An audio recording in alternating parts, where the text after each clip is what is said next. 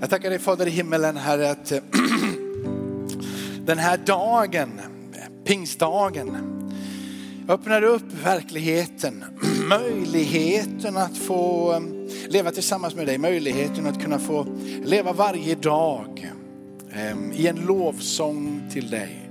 Där våra liv blir en lov, pris och ära. Genom alla olika skeden i livet Herre Ibland så upplever vi en otrolig eh, frustration i livet och en motgång, Herre. Men vi har redan sjungit ut idag att du är en god Gud.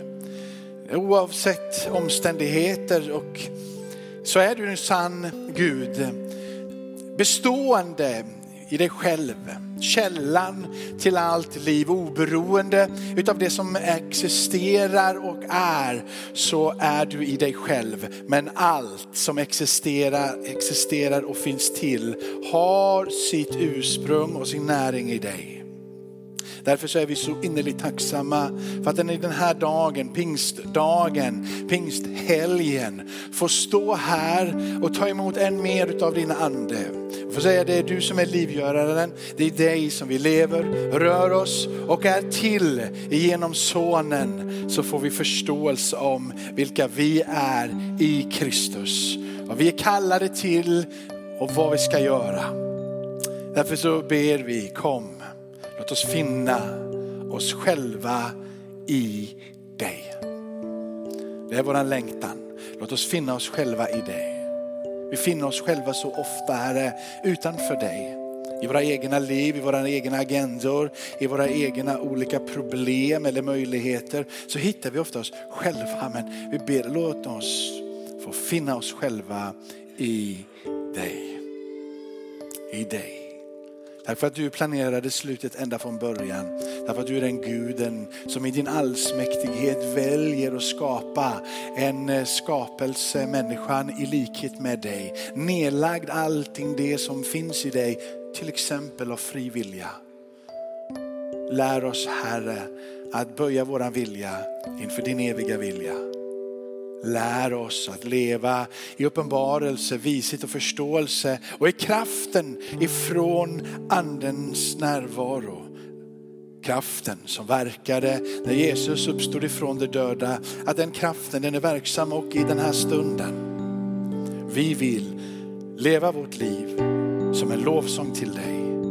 Ljus och salt i en värld desperat behov utan att få höra om det budskap som du har lagt i församlingen att förmedla till den här världen. Hoppet i Kristus. Heligande kom. Så ber vi till dig Fader i himmelen att du ville, den ande som det står utgår ifrån dig. Den ande som Jesus själv döper oss med, den heliga ande. Fader, gjut din ande idag igen. Jesus, döp oss igen. Helig ande, kom. Helig ande, uppenbara det livet som vi redan har tillsammans med dig. Men också de möjligheter som finns när du kommer igen och igen och igen och igen. Jag ber att min syster Herre, får djupet av mitt hjärta, när hon känner att det börjar bubbla på på insidan av tungamålstal, att hon skulle få känna sig fri. När obekväma, när ord kommer som man inte känner sig familjär med, att hon skulle få gå förbi det där som hon inte är familjär med, men som bubblar på på insidan och bildar någon form av inre tryck. Jag ber henne, låt henne få känna en innerlig glädje i att få tala med nya tungor, Herre.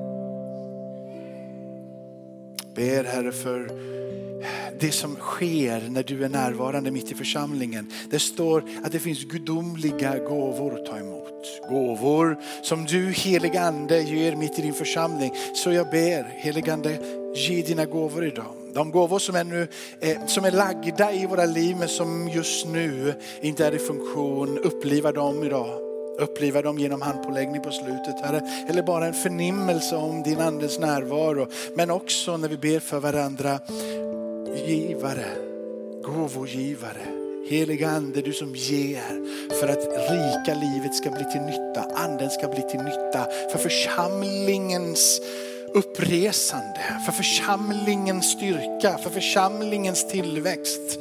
Din kropps och fullheten i dig Kristus. Vi behöver gåvorna.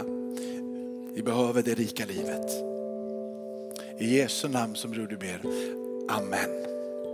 Amen och amen och amen och amen. Tack så mycket lovsångare eller sångare. Och på vilken generation man är i. Sångare, jag är nästan så i alla fall. Hörrni, så här att eh, vi kan ju inte vi kan ju inte gå förbi den här dagen utan att prata om anden. Så idag så blir det, blir det nog obalanserat. Men jag hoppas att vi får ta balansen någon annan gång. Men eh, jag ska försöka prata nu. Nu är hon kvart i redan. Jag, var, jag bad för länge kanske. Men Hörrni, vi går till Apostlagärningarna 2 och den kommer upp här. Sen läser vi från Matteus 28 och från Sakarja 4 och 6. Vi hoppar Joel, här en, en klassisk, en klassisk text från den, här, från den här helgen. Men vi läser tillsammans, eller om du vill får gärna följa med om du vill läsa högt. När pingstdagen kom var de alla samlade. Då hördes plötsligt från himmelen ett dån som när en våldsam storm drar fram. Och det fyllde hela huset där det satt. Tungor som av eld visade sig för dem och fördelade sig och satte sig på var och en av dem. Alla uppfylldes det av den heliga ande och började tala främmande språk. Allt eftersom anden ingav dem att tala. I Jerusalem bodde fromma judiska män från alla folk under himlen. När dånet hördes så samlades folkskaran och alla var skakade eftersom var och en hörde sitt eget språk talas. Häpna och förundrade så frågade de, är det inte galileer alla de som talar? Hur kan då var och en av oss höra sitt eget modersmål? Vi är parter, meder, elamiter. Vi bor i Mesopotamien, Judeen och Kappadokien, i Pontus, i Asien, i Frygien, i Pamfylien, i Egypten och i trakterna kring Cyrene i Libyen. Vi är inflyttade från Rom, vi är judar och proselyter, kretensare och araber. Ändå hör vi dem tala på våra egna språk om Guds väldiga gärningar. De var alla häpnade och förvirrade. Och de frågade varandra, vad kan det här betyda? Vi läser det också ifrån Matteus 28. Detta är alltså perioden, perioden ifrån att, från att Jesus uppstår ifrån de döda fram till eh, Kristi himmelsfärd i 40 dagar och sen har du från Kristi himmelsfärd fram till pingsten har du 10 dagar. Och här så är det precis innan eh, Jesus eh, lämnar dem och eh, så, så, när han säger det här så blir det här hans sista ord i Matteus. Och ska vi få veta vad som händer där emellan uppryckelsen då han, då han lämnar dem så får man gå in i Apostlagärningarna kapitel, kapitel 1. Så detta är de sista ord enligt eh, eh, evangelisten Matteus som Jesus säger till, till, till lärjungarna. Judas är då inte med utan du har elva lärjungar kvar. De elva lärjungarna gick till Galileen, till det berg dit Jesus hade befallt dem att gå. När de fick se honom tillbad de honom, men några tvivlade. Oerhört intressant. De, de elva lärjungarna gick till Galileen, till det berget dit Jesus hade befallt dem att gå. Och när det, det man får någonstans säga att det är de elva som ser honom och inte flera tusen. Men när de fick se honom tillbad honom. Men några tvivlade. Då trädde Jesus fram och talade till dem.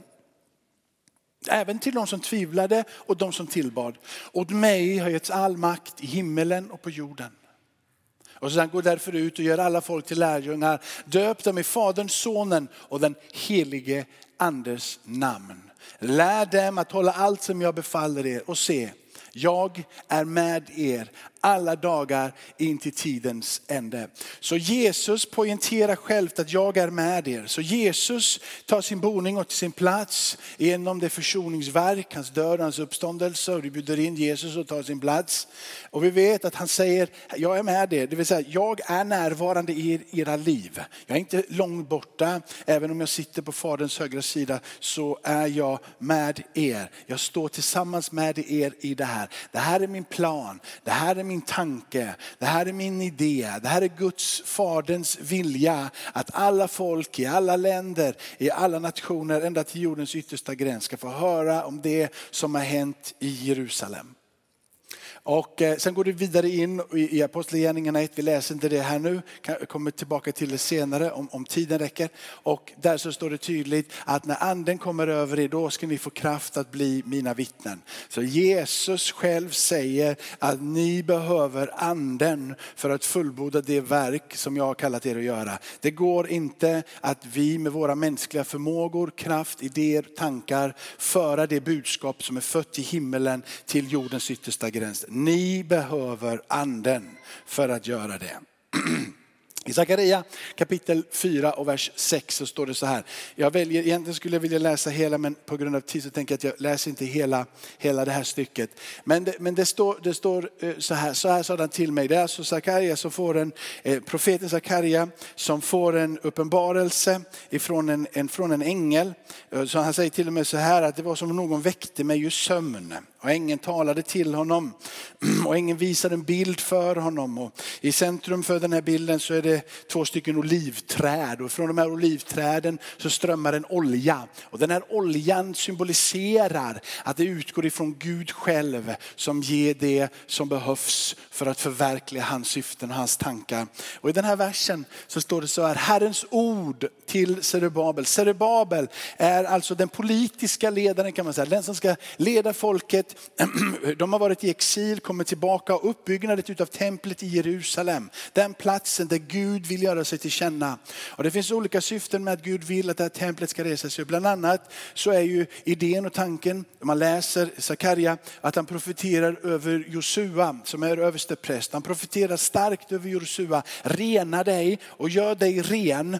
Jag vill sätta en ny högtidsdräkt på dig och när den här högtidsdräkten kommer på dig och du börjar förkunna ifrån lagen igen, där ordet som är givet till Israels folk igen börjar förkunnas, så ska jag komma med min uppenbarelse och med min närvaro på ett nytt sätt. Så han upprättar Josua som, som, som överstepräst och i samma andetag som han upprättar Josua genom de här profetorden som ängeln kommer till Sakarja. Så talar Sakarja ut profetorden över det som är själva konstitutionen för hela Israel, ledarskapet med Zerubabel i, i spetsen. Och han säger det är varken genom styrka eller makt utan genom min ande säger Herren. Och det som ännu inte hade lyckats ske att bygga upp i templet och Jerusalem och murarna runt omkring sker under en ganska kort period från att det har varit omöjligt under väldigt många år. Det är som att Gud säger, nu var det min tid. Nu var det dags för mig. Och när jag väljer att göra det så är det jag som låter oljan strömma. Det är jag som tar initiativet. Det är jag som låter anden komma in i det som är mitt. Och orden från profeten, därför behöver vi förstå att när anden faller så är det en profetrörelse som väcks. Det är ett inlyssnande av vad Guds ande säger till församlingen. Vi kan inte ta det själva, det måste födas in i församlingen. Men med en tid och en säsong som bara Gud själv vet och som bara Gud själv gör. De hade inte lyckats upp, eh, bygga upp templet, de var i exil, de hade inte fått ordning ordning på Jerusalem. Men när Gud reser upp Sakarja i den tiden och med flera andra profeter och så vidare så, så händer någonting som de inte kunde göra innan. Och Sakarja poängterar att det är inte genom styrka eller makt. Och de orden som används för styrka och makt, men det är också kraft eh, som används i vissa, vissa översättningar. Men i vilket fall som helst, det finns två stycken hebreiska ord som, som används för, för, för den ena styrka och för makt. Och den ena av dessa ord pekar på det som är pengar eller material. Ni ska, ni ska inte lita på det som är på utsidan av material, av pengar, utav de resurser som finns runt omkring er i naturen. Det är inte där som jag bygger upp mina murar igen. Det är inte där som jag bygger upp mitt tempel igen. Det är inte på grund av de olika sakerna. Nästa ord som används handlar om våra egna kapaciteter, förmågor i individer, förmågor som finns runt omkring oss. Han säger, han säger så här, när jag väljer att göra någonting, säger ängeln som talar till Sakarja, som Sakarja sen profeterar profetera ut. Han säger, det handlar inte om materiella tillgångar, det handlar inte om pengarna, det handlar inte om vilka gåvor som ni har. Även om Gud låter alla dessa gåvor samverka sen. Eller hur? Så han, han reser ju upp Josua för att han ska bli den Gud hade kallat honom att vara som överstepräst. Och han reser upp och ger självförtroende till Zerubabel genom att han låter profeten profetera. Så det finns ju en dynamiskhet här, att, en dynamiskhet att Gud använder sig av resurserna. Man säger det är inte där er förtröstan ska ligga. Det är inte där er djupaste överlåtelse ska ligga utan, utan det är genom min ande som det ska ske. Därför så, amen, därför så blir det väldigt spännande och, härligt när man pratar om de sista orden som Jesus säger. Gå därför ut och gör alla folk till lärjungar. Ah, han säger, han säger egentligen att ni kan försöka med era internet och ni kan ju försöka med era olika crusades eller väckelsemöten. Ni kan ju försöka med era bandserier och era böcker och ni kan ju försöka att samla ihop alla resurser i den här världen och samla miljonärerna och miljardärerna och så göra stora event. Och ni kan ju försöka med era goda gåvor av ledarskap kunskap och hålla på. Men det är inte där jag kommer göra det. Där när jag låter de här två olivträden som det profeteras om är, när oljan får strömma ifrån Gud själv rakt in i sin församling, då blir det en dynamisk grupp, en rörelse som reser sig upp. Så församlingen är kallad att på samma sätt som Israel bygga någonting. I det här fallet så blir de kallade att gå tillbaka till Jerusalem för att bygga upp Jerusalem och portarna och templet. I eh, Nya Testamentet och genom andens utgjutelse så är det inte en resa tillbaka till Jerusalem utan nu är det en resa ut ifrån Jerusalem.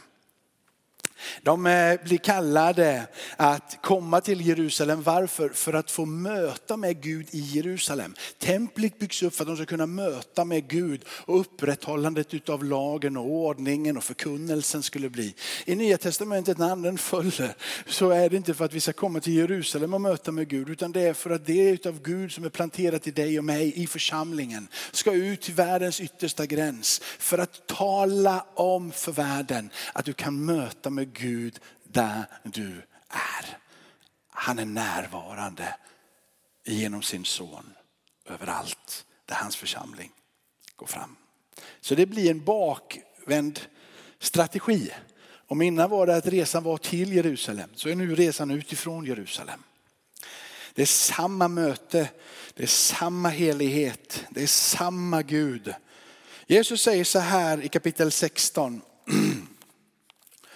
i kapitel 16 i Johannes. Jag har ännu mycket mer att säga till er, men ni kan inte bära det nu. Men när han kommer, sanningens ande, då ska han föra er in i hela sanningen. För han ska inte tala av sig själv, utan allt det han talar, det han hör ska han tala. Han ska förkunna för er vad som kommer att ske. Han ska förhärliga mig, ty det av mitt skall han ta och förkunna för er. Så den heliga ande och Jesus är i fullständig harmoni med varandra. Den heliga ande förkunnar bara det som Jesus har förkunnat och visar bara på det liv som Jesus levde och inte någonstans utanför det. Därför så vill jag drista mig innan jag pratar om mitt möte med den heliga ande. Jag skulle vilja drista mig så långt att säga att Jesus säger leva med andens närhet. Det är att bjuda in Jesus djupare i sitt liv jag har sagt, jag ger min vilja till er om ni umgås med min ande. Genom att umgås med anden så ger Gud sina vägar till dig och mig. När vi umgås med anden så ger Gud sina sanningar till dig och mig.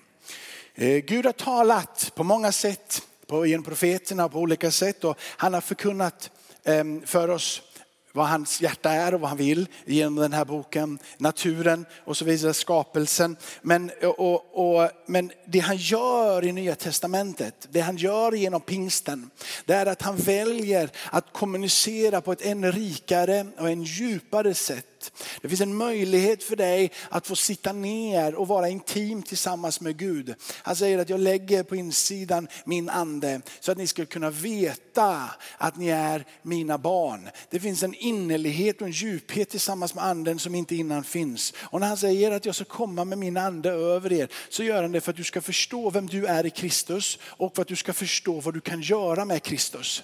Så det finns en dubbelhet med anden och mycket, liksom en del av kristenheten stannar mycket med vem, vem, vem jag kan förstå att jag är. Att jag är frälst och tillhör honom. Och så lägger man en några andra en betoning på vad du kan göra tillsammans. Men de är inte skilda ifrån varandra. De är både och och de måste förkunnas i lika stor volym för att få en balans. För annars hamnar du här borta i slutet att alla ska springa och göra men glömmer att du kan få vila i din frälsning. Och vilandet i din frälsning gör faktiskt i slutänden att du reser dig upp och vill gå. Jag är uppvuxen i en kristen familj och ehm, jag har eh, liksom fått, med mig, fått med mig att Gud existerade ända sedan, ända sedan jag var liten. Eh, trots det så har jag haft mina, mina troskriser. Där man liksom sådär. Och det som har hjälpt mig då eh, mestadels. Det låter lite konstigt kanske så här i en bedjande och, och karismatisk församling. Men det har inte alltid hjälpt att jag börjar be i tungor liksom, att, eller att jag börjar, börjar liksom fasta och be. Jag har gått ifrån de här perioderna, och ibland också förvirrad. Ibland så har det hjälpt men ändå inte hjälpt. Men det som har hjälpt med mig i de här perioderna när jag har rest mig upp, det är att jag har filosoferat om det kan finnas en Gud eller inte. Och jag har alltid slutat med att det finns en Gud.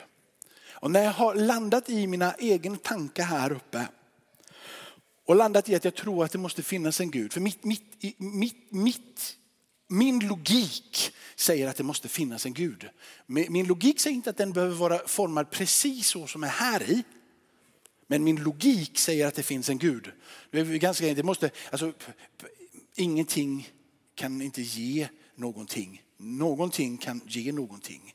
Det måste finnas en start någonstans. Eh, hur förklarar man evighet när vi vet att... Och så, det finns så många frågor, så när jag landar det måste finnas en källa någonstans.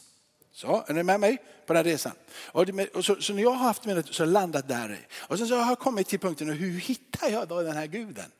Och så har jag funderat, finns det där, finns det där, finns det där? Och det mest, mest, mest resonabla när du börjar tänka på det, det är att, om, att du hittar en religion som infattar fler än bara din egen grupp.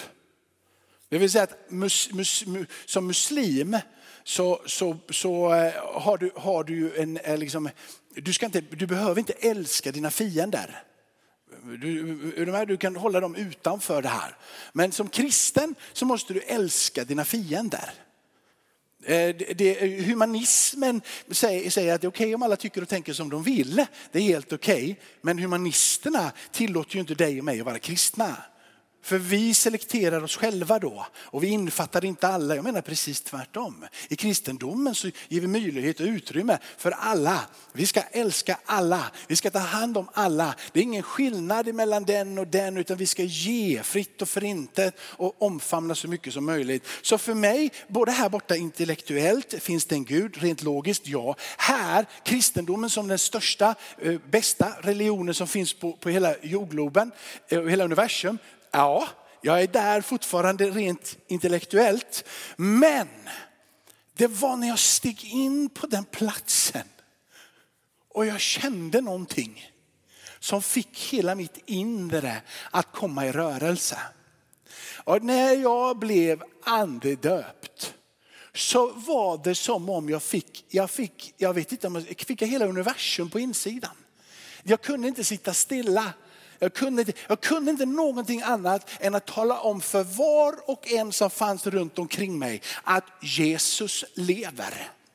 Det är inte en logik som har för, det är inte, det, han lever, han är sann. Du kan röra vid honom, du kan möta med honom. Så jag som är bokhusen är lite plötsligt lite heter Rottne, och det är okej okay att skratta när man säger Rottne. Det, det är ett litet ställe och det bor mest massor med bönder där, vi är 3000 bönder eller någonting i den stilen. Och, och det finns, liksom, finns inte speciellt mycket på den här platsen.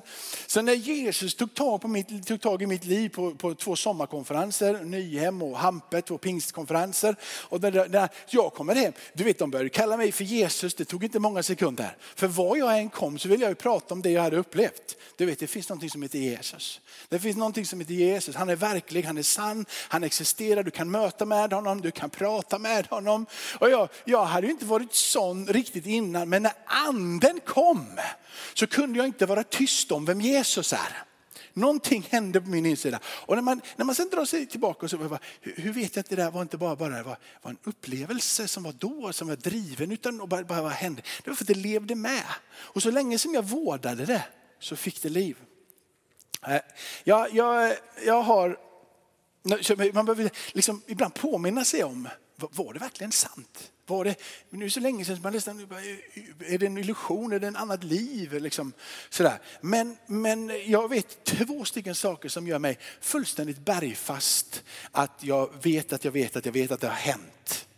Så. Och det har med min gula jeansjacka att göra som jag beskyddade och bevarade över allting. Den fick inte bli smutsig.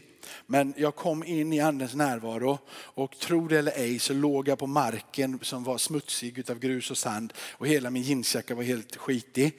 Och eh, jag var ledsen för detta men någonting på insidan hade hänt. Jag springer upp till min mormor och bara säger jag har blivit andedöpt. Och så sitter vi där i den här husvagnen och pratar i tungor tillsammans och bara känner en allmän härlighet har kommit in här. Va? Och den där, den där jeansjackan är idag med ett, ett, ett, ett sigill för, det var sant. Jag förstörde min jeansjacka men det var värt det. Va? Så har jag med det minnet. Ett annat minne som jag har till detta var att jag var på, på Hampe. Och på Hampe så här gjorde de olika intervjuer med oss. Och då så var det, var det en av de här ledarna som frågade mig, ja, hur nu Jakob, du, du säger att du har mött med Jesus och, och sådär, och mött med en helig ande här och, och sådär. Vad, vad blir skillnaden i ditt liv? Och jag vet att utan att reflektera över det så svarade jag, jag ska gå hem och städa mitt rum. Ja, det låter löjligt. Men under den här perioden så var min mamma och jag kanske inte riktigt så att vi stod och höll varandra i handen på ICA. Utan vi var en ständig fight mellan mig och min mamma. Och rummet var ju en sån fight. Jag sa, det är ju mitt rum, varför, ska, varför behöver det, det bryr dig inte. Det är mitt rum. Och menar på att det kanske inte var riktigt så. Men, men det var ju en ständig konflikt. Men då när jag står där och får frågan, har något hänt? Har du blivit förvandlad? Har någonting rört vid djupet utav dig? Och jag får bara säga, jag ska hem och städa mitt rum. Det var någonting som jag sa, jag vill försonas med min mamma. Jag vill att min mamma ska titta på mig och vara glad. Jag vill inte att min mamma ska titta på mig och vara ledsen utan jag vill möta med min mamma.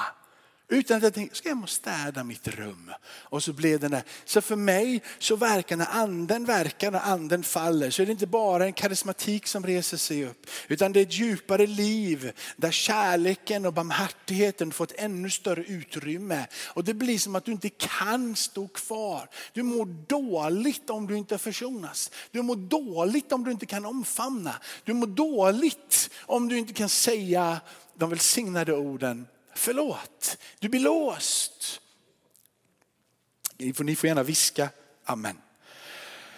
amen. Och så, det finns fler saker men jag springer på här. Och det, det, gå till andra Korintierbrevet kapitel 3.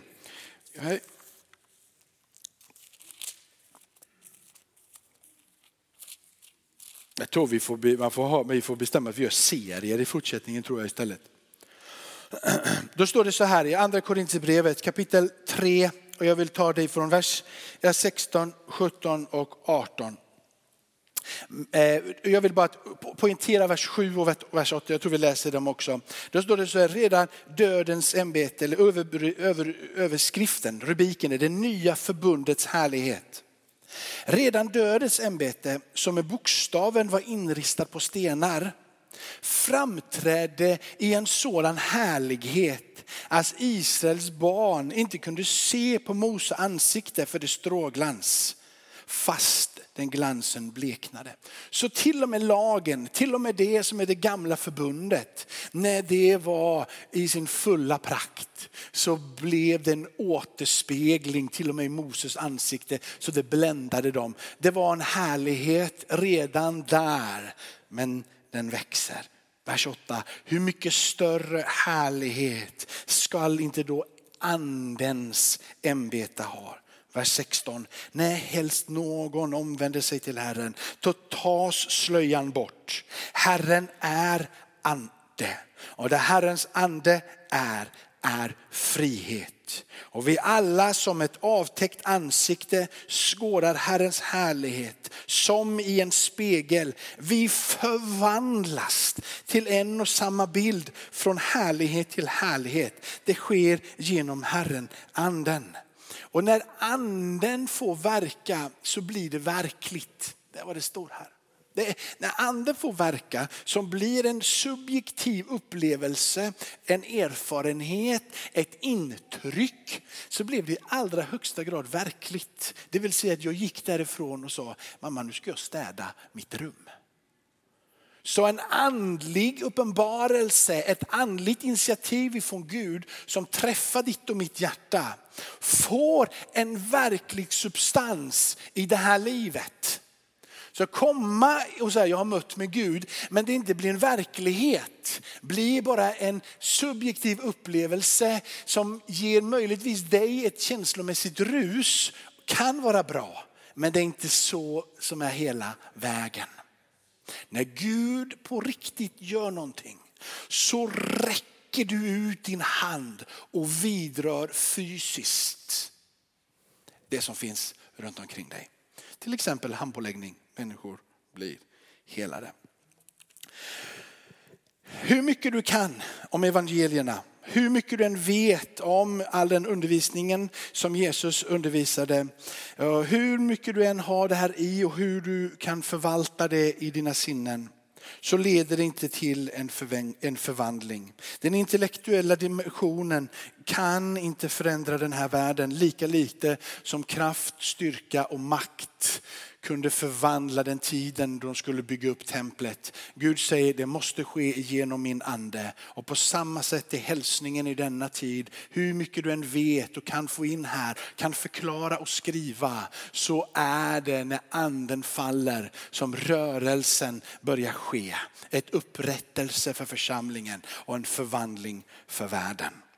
När anden faller så börjar du följa konungarnas konung och herrarnas herre. När anden faller så börjar du lita på att han dog i alla ställen och du personligen börjar lita på han som din frälsare. När anden faller så blir Jesus vårt stora exempel. Du väljer efterföljelse. Du väljer att se hur Jesus levde och vad Jesus gjorde och du vill efterlikna det när anden faller. När anden faller så förstår du att han sitter på tronen jämte sin fader i himmelen och du börjar adressera Jesus själv som en helig Gud och inte en mänsklig efterföljelse att kopiera. Han blir helig Gud, han blir 100% Gud, han blir 100% människa. Bara genom att vi känner anden så öppnas dimensionen av liv som jag vill kalla är livsförvandlande. Genom anden så ser vi att Jesus försoningsverk fortsätter att verka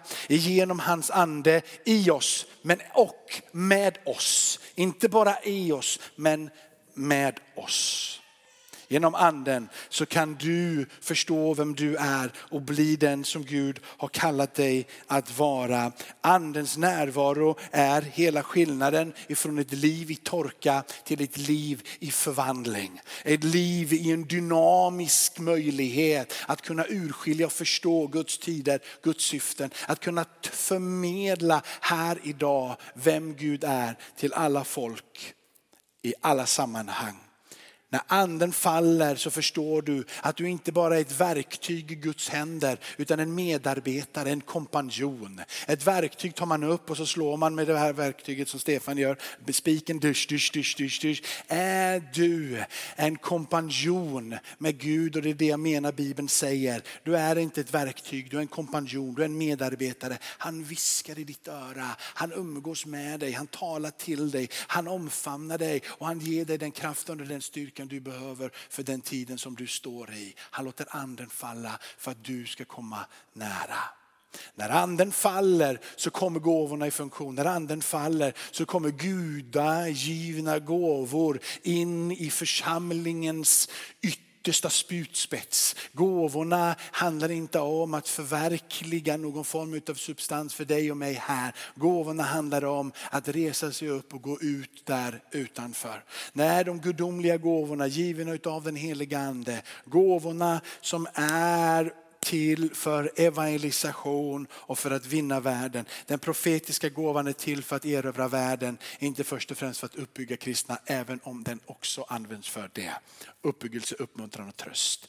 Det är att bota sjuka handlar inte först och främst om att bota sjuka inne i kyrkan. Att bota sjuka handlar om att evangeliumet ska bli tjänst till jordens yttersta gräns. Han vill genom sina tecken, under och mirakler peka på en sann verklighet i Kristus själv så kan bli tillgänglig här och nu. Vi borde be mer utanför än innanför. Eh, nu har jag predikat en halvtimme och ni hör att jag kan bara fortsätta. Men det tänker jag inte göra. Hoppas bara att jag kan få, bara få, bara, det finns mer. Det finns en dynamiskhet, det finns en kraft, det finns en möjlighet. Och du vill ha den. Jag förvandlade mig fullständigt. 14 år och är fortfarande lika koko. Amen, säger Ingrid. Ska vi be och så går vi in mot avslutningen av den här gudstjänsten. Jag tackar dig Fader i himmelen för att vi fått prata om den här dagen. Anden föll. Och det blir en förvåning på den här platsen. Det är som de skakas inombords. Vad är det som sker? Men de reser sig upp och de blir språkrör, häroldar ut över hela världen så att vi 2000 år senare står här och predikar samma Jesus med samma frihet i anden. Vi ber därför, kom med din ande på avslutningen av den här gudstjänsten. Och vi ber Jesus döp i helig ande Åh oh, Jesus döp i heligande. Låt oss få fler vittnesbörd som den här kvinnan som är på sjukhuset och få höra om att hon inte har någon, några problem med lungorna längre. Åh, oh, så kommer hem, ligger i sängen och så börjar det bubbla. Åh, oh, halleluja. Vad vi längtar efter fler vittnesbörd av den närheten och den intimiteten tillsammans med dig. Anden faller och vi blir ett profetiskt folk. Anden faller och vi talar ut Guds hemligheter som Sakarja. Får förlösa både det som är inom kyrkan genom prästerna här och översteprästens ämbete kommer tillbaka ordet för men Surbabel. Yttre krafterna här. Det blir en samband, det blir en balans i det. Du kommer Gud, kom med din ande idag. Kom med din ande. Heligande, fritt utrymme. Heligande förvåna oss idag. Heligande vi inbjuder dig. Heligande vi inbjuder dig. Jag bara säga att heligande är svaret för om du har ångest, bjud in den heligande. Låt han få vara den som värmer dig. När den heligande kommer så blir Jesus tydligare. Du kommer tacka Jesus Heligande kom. Heligande kom. Tack för att du är här och tack för att du kommer. Tack för att du är i oss men att du kommer över oss. Tack för att du är i oss men tack för att du kommer över oss. Tack också att som det står att vi kan få gå in i dig. Hjälp oss att förstå den här dynamiskheten ber om din uppenbarelse för den som har brottats med dig heligande och inte förstått vikten och inte förstått. Vi har ju, jag är ju döpt i Fader, Son och heligande. Jag har ju. Låt det komma uppenbarelse. kom med vishet, kom med insikt. Öppna Herre. Låt den här texten som vi läste ifrån Andra Korintierbrevet här. Man får bara, det är någonting som faller av och man får se dig. Man upplever en härlighet, en salighet, en inre ljus för att du är där Ande. Amen. Vi sjunger någon sång tillsammans och så är du välkommen